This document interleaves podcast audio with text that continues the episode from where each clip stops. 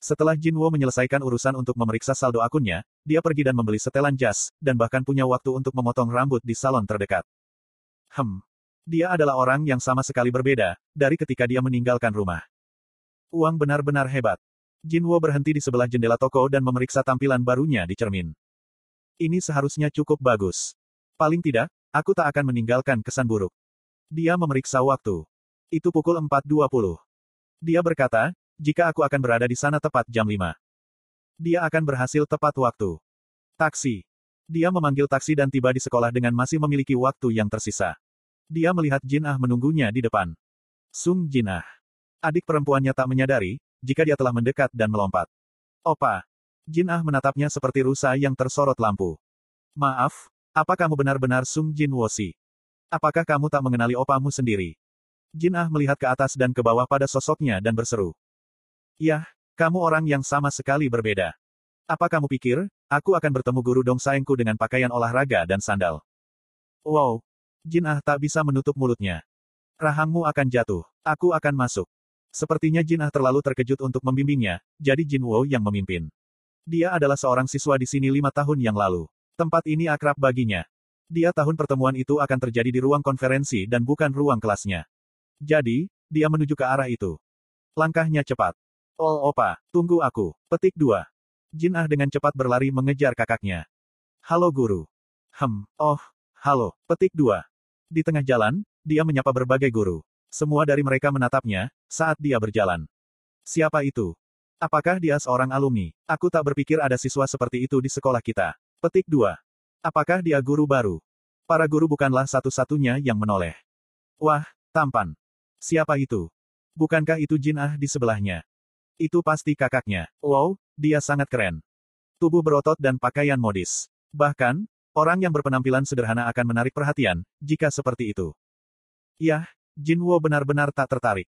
Petik satu titik titik. Petik satu. Bisikan siswa masuk satu telinga dan keluar di yang lainnya. Orang yang bersemangat adalah Jin Ah. Dia menggangi telinganya dan mendengarkan bisikan teman-temannya, lalu pergi ke kakaknya dan memegang sikunya. Wow, Opa kamu cukup populer. Dia mengabaikannya untuk pertama kali.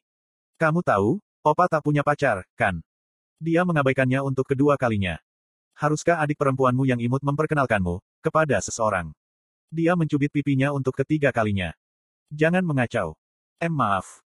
Jinwo melepaskannya, dan dia mengusap pipinya yang merah. C, aku tahu kamu menikmati semua ini. Ketika pasangan bersaudara itu telah tiba, Jin Ah berputar dengan penuh gaya lalu memberi isyarat. Opa, di sini. Saat Jinwo akan masuk, dia berbalik ke Jinah. Bagaimana denganmu? Ini hanya untuk orang tua, wali dan guru. Aku di sini hanya untuk mengantarmu. Oh benar, Jinwo ingat saat tahun terakhir sekolah menengahnya. Pada saat itu, tak ada yang datang untuknya. Ibu sudah kesulitan bergerak saat itu.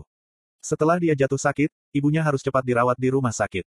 Tak ingin ibunya mengerahkan tubuhnya yang lemah, Jinwo tak memberitahunya tentang pertemuan orang tua, wali. Dia harus menahan amarah gurunya untuk sementara waktu, karena hal itu. Mengingat pengalaman itu, dia menyadari mengapa Jin Ah gugup, ketika dia meminta waktunya. Dia bertanya pada adik perempuannya sambil tersenyum. Kamu juga pulang terlambat hari ini, kan? Ya, kamu bisa pulang tanpa aku. Baiklah. Dia menepuk kepalanya sebelum dia bisa bereaksi, dan mengacak-acak rambutnya. Belajarlah dengan keras. Ah, Danggit, jangan lakukan itu. Aku akan melihatmu di rumah.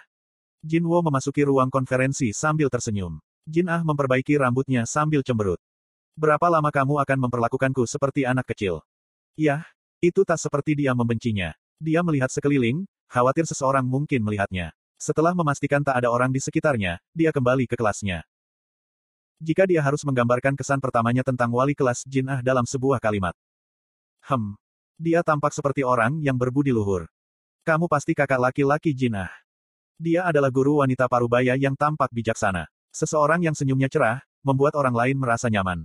Mengetahui keadaan rumah tangganya, dia tak mempertanyakan keberadaan Jin Wo sama sekali untuk pertemuan orang tua, Wali. Senang bertemu denganmu. Aku adalah wali kelas Jin Ah. Aku tidak menyadari jika Jin Ah memiliki kakak lelaki yang tampan, hoho. Pada sapaannya yang sopan tapi menyenangkan, Jin Wo menundukkan kepalanya. Aku tak mengingatnya, saat aku di sini. Dia pasti menjadi guru baru, setelah dia lulus. Mereka mengatakan kesan pertama adalah hal yang sangat penting. Setelah salam mereka, dia bisa sedikit rileks. Dia sangat menghormati seseorang yang jauh lebih muda sepertiku. Tampaknya, tahun akhir adik perempuannya tak akan terganggu oleh guru yang buruk. Silahkan duduk. Dia menunjuk ke sebuah kursi. Jinwo duduk dan menghadap guru yang berada di balik sebuah meja besar. Aku pikir kamu tak perlu khawatir tentang Jinah. Mereka berbicara tentang masalah biasa untuk pertemuan orang tua, Wali. Percakapan mereka berlanjut dengan suasana hati yang baik untuk beberapa waktu. Karena Jinah adalah murid teladan, gurunya tak punya apa-apa, selain mengatakan hal-hal baik. Kamu sadar jika Jinah ingin pergi ke sekolah kedokteran, kan? Iya. Guru membaca profil Jinah. Nilai ujiannya bagus, dan nilai keseluruhannya sangat bagus. Dia pasti lebih dari mampu untuk masuk ke sekolah yang bagus. Jadi, tolong jangan terlalu menekannya. Jinwo dengan tegas mengangguk. Wajah guru dipenuhi dengan harapan untuk Jinah. Sejujurnya, banyak guru wali kelas untuk siswa SMA dipenuhi dengan stres, karena nilai siswa. Bagaimanapun juga, tahun-tahun terakhir seorang siswa di SMA, menentukan jalan hidup mereka setelahnya. Dan itulah sebabnya, aku mendengar sebagian besar guru ingin menghindari untuk mengajar di tahun akhir. Dia telah mendengar jika beberapa guru harus dipaksa ke posisi itu. Dengan mengingat hal itu, jelaslah jika guru Jin'a adalah seseorang yang bersemangat untuk pekerjaan itu. Sebagai wali Jin'ah, Jinwo sangat berterima kasih untuk ini. Pertemuan hampir berakhir setelah 15 menit. Lalu, saat Jinwo hendak bangkit, sang guru dengan hati-hati mengajukan pertanyaan.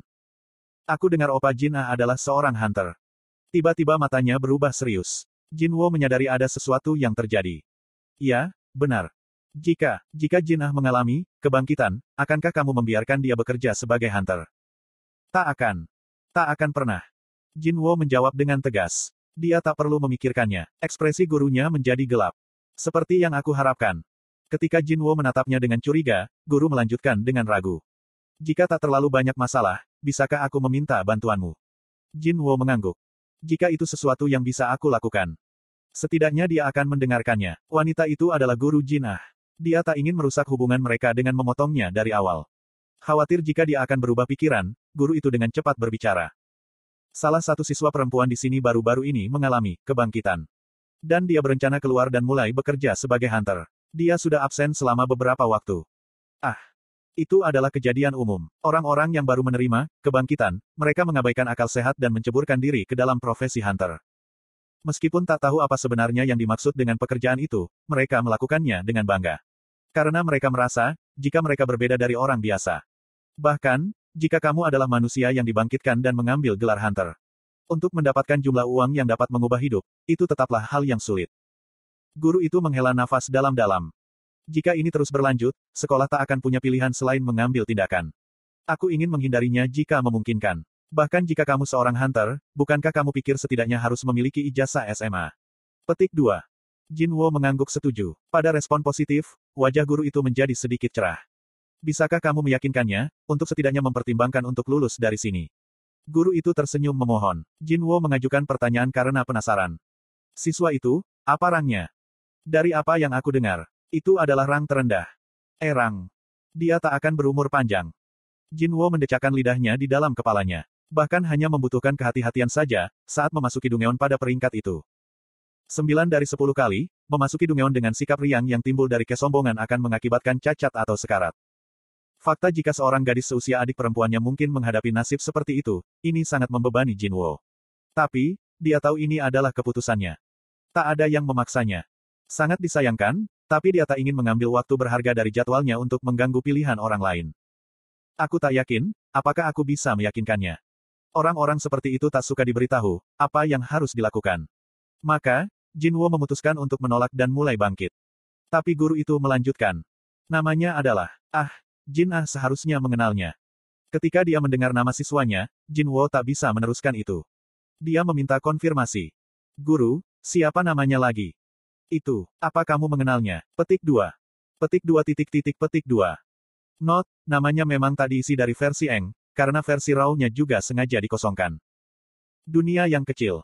Hah. Jinwo kehilangan kata-kata. Di jam yang sama. Tempat tinggal pribadi ketua Eugene Construction, Yu Myung Han. Dari pagi, mobil-mobil mewah dan mahal membuat penampilan mereka tanpa henti di rumah. Mereka semua datang dengan alasan yang sama.